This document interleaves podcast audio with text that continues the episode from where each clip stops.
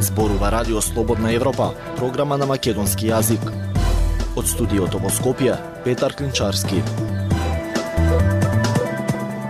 Во денешната емисија објавуваме Фиктивни трансфери на пари истражува Олаф во Бугарија. Полни пазари, празни фрижидери, половина плата оди за храна и пијалоци. Девојки од Аруба волонтираат во шутка. Какви се нивните искуства со децата од улица? Евгений Пригожин, водач на платениците Вагнер, се предпоставува дека загина во пат на авион. Слушајте не.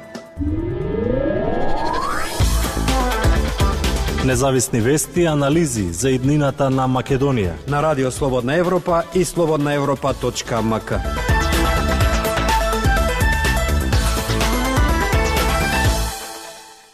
Модернизацијата на бугарската железничка инфраструктура вредна 241 милион евра беше причина за претреси во 28 локации низ Бугарија.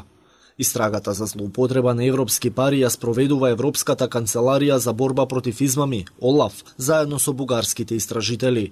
Повеќе од Зорана Гаджовска-Спасовска. Бугарија за почеток треба да врати 38 милиони евра во европската каса поради сомнение дека се злоупотребени европски фондови при модернизација на железничката инфраструктура. Европската канцеларија за борба против измами ја затвори истрагата, откако заедно со стотина бугарски обвинители, полицајци и агенти од Националната полициска управа и Државната агенција за национална безбедност извршија претреси на 28 локации и преведоа две лица осомничени за злоупотреба на фондови на Европската унија и перење пари. Дополнително ќе бидат сослушани не функционира од Националното предпријатие за железничка инфраструктура, институција која во основа е корисник на парите од Европската унија. Градежните договори за двата проекта кои се во интерес на истрагата се доделени на две приватни компании со меѓународно учество, на кои веќе им легнале парите на сметка за изведување на дел од градежните работи. Изведувачите се осомничени дека во краток временски период извршиле фиктивни трансфери на пари на Синџир на фантом компании, кои на крајот доведе до повлекување парични суми од над 2,5 милиони милиони евра од лица со криминално досие. Се вели во соопштението на Олаф. Станува збор за два проекти во вредност од 241 милион евра за модернизација на две пруги на линија од Софија до Пловдив во износ од 130 милиони евра и вториот проект модернизација на железничките делници од, од Оризово до Михајлово и од Пловдив до Бургас во износ од 111 милиони евра. Тие се дел од така наречената железничка магистрала Тракија, која треба да ја поврза Софија со Бургас.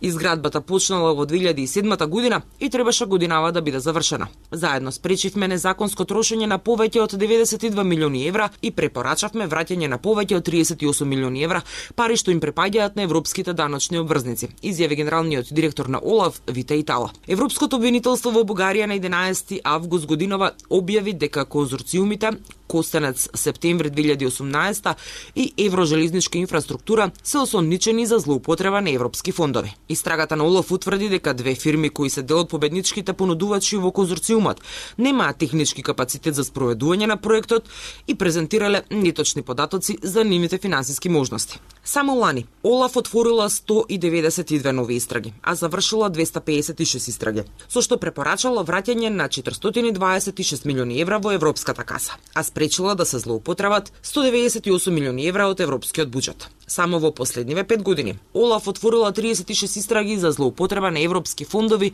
во земјите од Западен Балкан, од кои половина се однесуваат на сомнеши за злоупотреба и од македонски институции и компании. Од започнатите истраги, Олаф достави 7 препораки до европските институции и македонските власти, се вели во последното известување од Олаф. Европската канцеларија за борба против измами е одговорна за истрага, гонење, но и спречување на злоупотреба на пари на европските даночни обврзници. Радио Слободна Европа, светот на Македонија. Храната за две години поскапела за 40%, а има и нови најави за поскапувања. Граѓаните се жалат на празни фрижидери, земјоделците прстот го вперуваат во откупувачите. Анализа на Пелагија Стојанчова. Некогаш фрижидерот ни беше полн, сега пазарите се полни, а фрижидерите празни.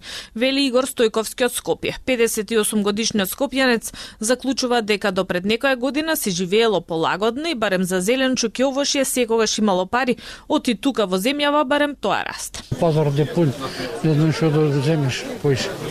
Некој порано јади, јади да се забораи. Сега немаше тукава желба, ама и не можеш. Е, сега месо може човек па да се одвикне па да не го јаде се. Ако е скапо многу. На храна и пијалоци граѓаните трошат речиси половина од своите плати, покажуваат податоците од минималната потрошувачка кошница што изработува Сојузот на синдикати. Синдикатот пресметал дека на едно 4 члено семејство му требаат безмалку 800 евра за да го истурка месецот. Половина од тие пари отишле за да се прехранат.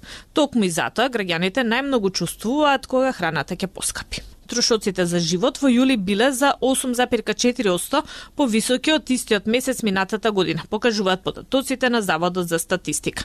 Најмногу е поскапен мебелот, кафеаните и храната. Храната во изминатите две години поскапела за скоро 40%, а зеленчукот за цели 50%. По најавите за поскапи млечни производи доаѓаат најави за поскап леп. За разлика од сирењето и лебот, месото не се очекува да поскапи. За граѓаните храната е скапа. За тие што ја произведуваат, пак заработката едва им ги покрива трошоците. Не е ни до земјоделците, ни до потрошувачите. Проблемот е кај откупувачите, посочува Билјана Петковска Митревска, земјоделка која е дел од Националната федерација на фармери. Бидејќи не се реално од земјоделците, реално се од откупувачите и од она што потоа се препродава на маркетите и излегува на пазарот од каде што сите потрошувачи набавуваат храна. Растот на цената во Македонија се должи на домашни фактори, а не на надворешни, вели Бранимир Јовановиќ од Виенскиот институт за економски истражувања. Не е проблемот кај платите на работниците, не е проблемот кај меѓународните фактори, не е проблемот кај, кај енергенците, туку она што станува е дека фирмите го зголемуваат својот профит. Така на целата оваа приказна со поскапувањето и со инфлацијата, да се го зголемат нивниот профит. Владата досега во неколку наврати од како почна кризата воведуваше мерки за замрзнување на цени или на маржи на основните прехранбени производи, но од 1 јуни се укинаа тие мерки. На почетокот на август министерот за економија Кришник Бектеши изјави дека заедно со другите институции работат на нови мерки кои ако има потреба ќе се стават во функција од септември или пак од почетокот на октомври. Слободна Европа. Следете на на Facebook, Twitter и YouTube. Емили и Шантал од Аруба имале неколку опции за волонтирање во странство, но ја избрале Северна Македонија.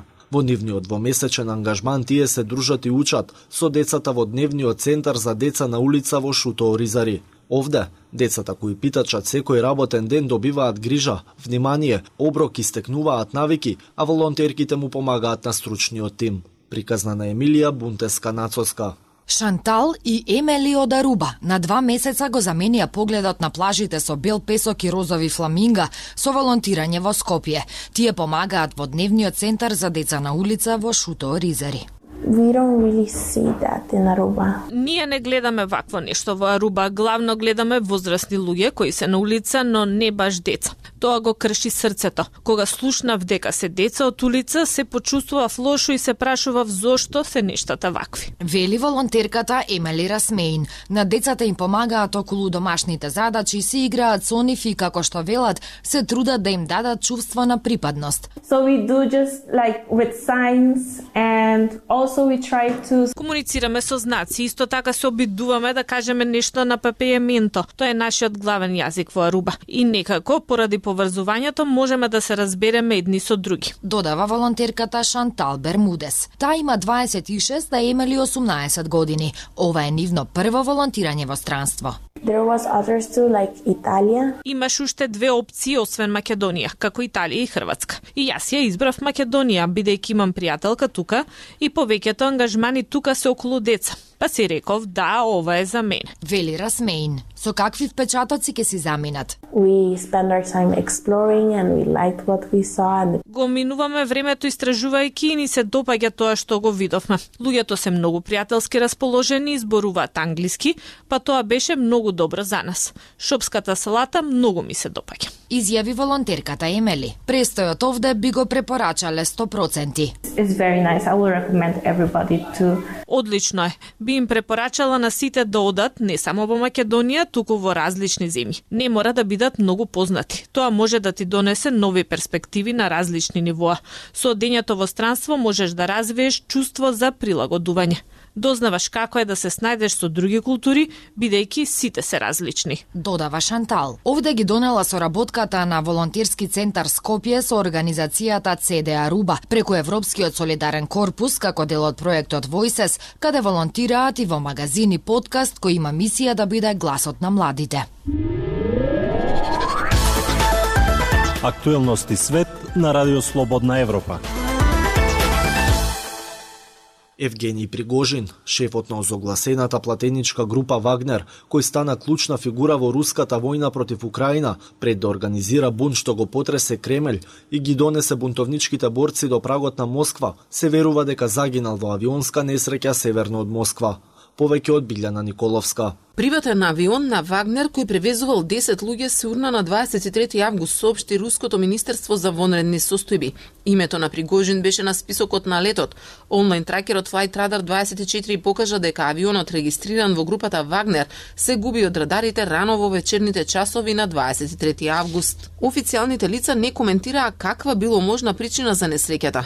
Росавиација рече дека е започната истрага за инцидентот.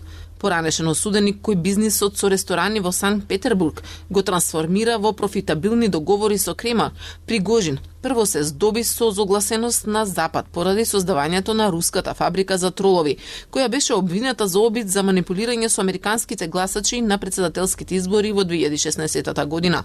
Но неговата приватна платеничка компанија Wagner Group веројатно одигра уште поголема улога во руската внатрешна и надворешна политика и му донесе глобална слава. Дрзок и со садистички манири, Пригожин ги испрати своите вагнерови платеници да се борат од името на Кремљ во Сирија, Либија и Украина. Откако Кремљ нареди целосна инвазија на Украина во февруари 2022 година, тој се претвори во безмилосен критичар на тоа како војската ја водеше таа војна.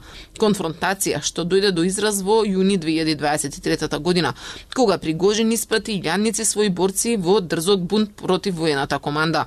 Бунтот, кој Владимир Путин го нарече нож во грб, беше краткотраен, но представуваше најголем предизвик за рускиот председател во неговите 23 години како истакната политичка фигура во земјата. Точниот тајминг на влегувањето на Пригожин во матниот свет на приватните воени компании е нејасен, но наблюдувачите укажуваат на почетокот на конфликтот во Сирија и на крајот успешна интервенција во интерес на сириската влада. Предприемачите од кои некои беа ветерани на руските безбедносни служби почнаа да основаат корпоративни безбедносни компании во 2000-тите и ми обезбедуваат заштита на руските трговски поморски бродови од пиратите во близина на берговите на Африка. Покрај други приватни компании кои работеа во Сирија, Вагнер Груп се појави некаде околу 2014 година, кога Русија го поттикна и финансираше бунтот во источна Украина. Еден човек кој беше истакнат прв шеф на компанијата беше поранешен воен разузнавач. На широко се предпоставуваше дека Пригожин е основач на Вагнер Груп со години, но дури во септември 2022 година, месеци по руската инвазија на Украина, тој отворено ја призна собственоста. Во Сирија борците на Вагнер беа веродостојно обвинети за воени злосторства и можни воени злосторства, а неговите борци се појавија и во други земји, како во Судан и Централно-Африканската република, каде компаниите поврзани со Пригожин добија профитабилна одстапка за ископување на злато и други минерали. Во септември 2013 година руските новинари почнаа да истражуваат компанија која била основана на северозападната периферија на Петербург, наречена Агенција за истражување на интернет, а подоцна наречена Фабрика за тролови на Русија. Собственик преку деловната мрежа Конкорд бил Пригожин, а бизнисот ангажираше луѓе да креираат огромен број на онлайн профили, често за социјални медиуми и да објавуваат запалливи коментари или да поставуваат лажни профили. Во 2018 година, две години откако на американските председателски избори победи Доналд Трамп, Американското Министерство за правда го обвини Пригожин и уште 13 руси издаде налог за апсење на Пригожин, обвинувајќи го за заговор за изборна измама. Ја слушавте емисијата на Радио Слободна Европа, програма на македонски јазик. Од студиото во Скопје со вас беа Петар Клинчарски и продуцентот Дејан Балаловски.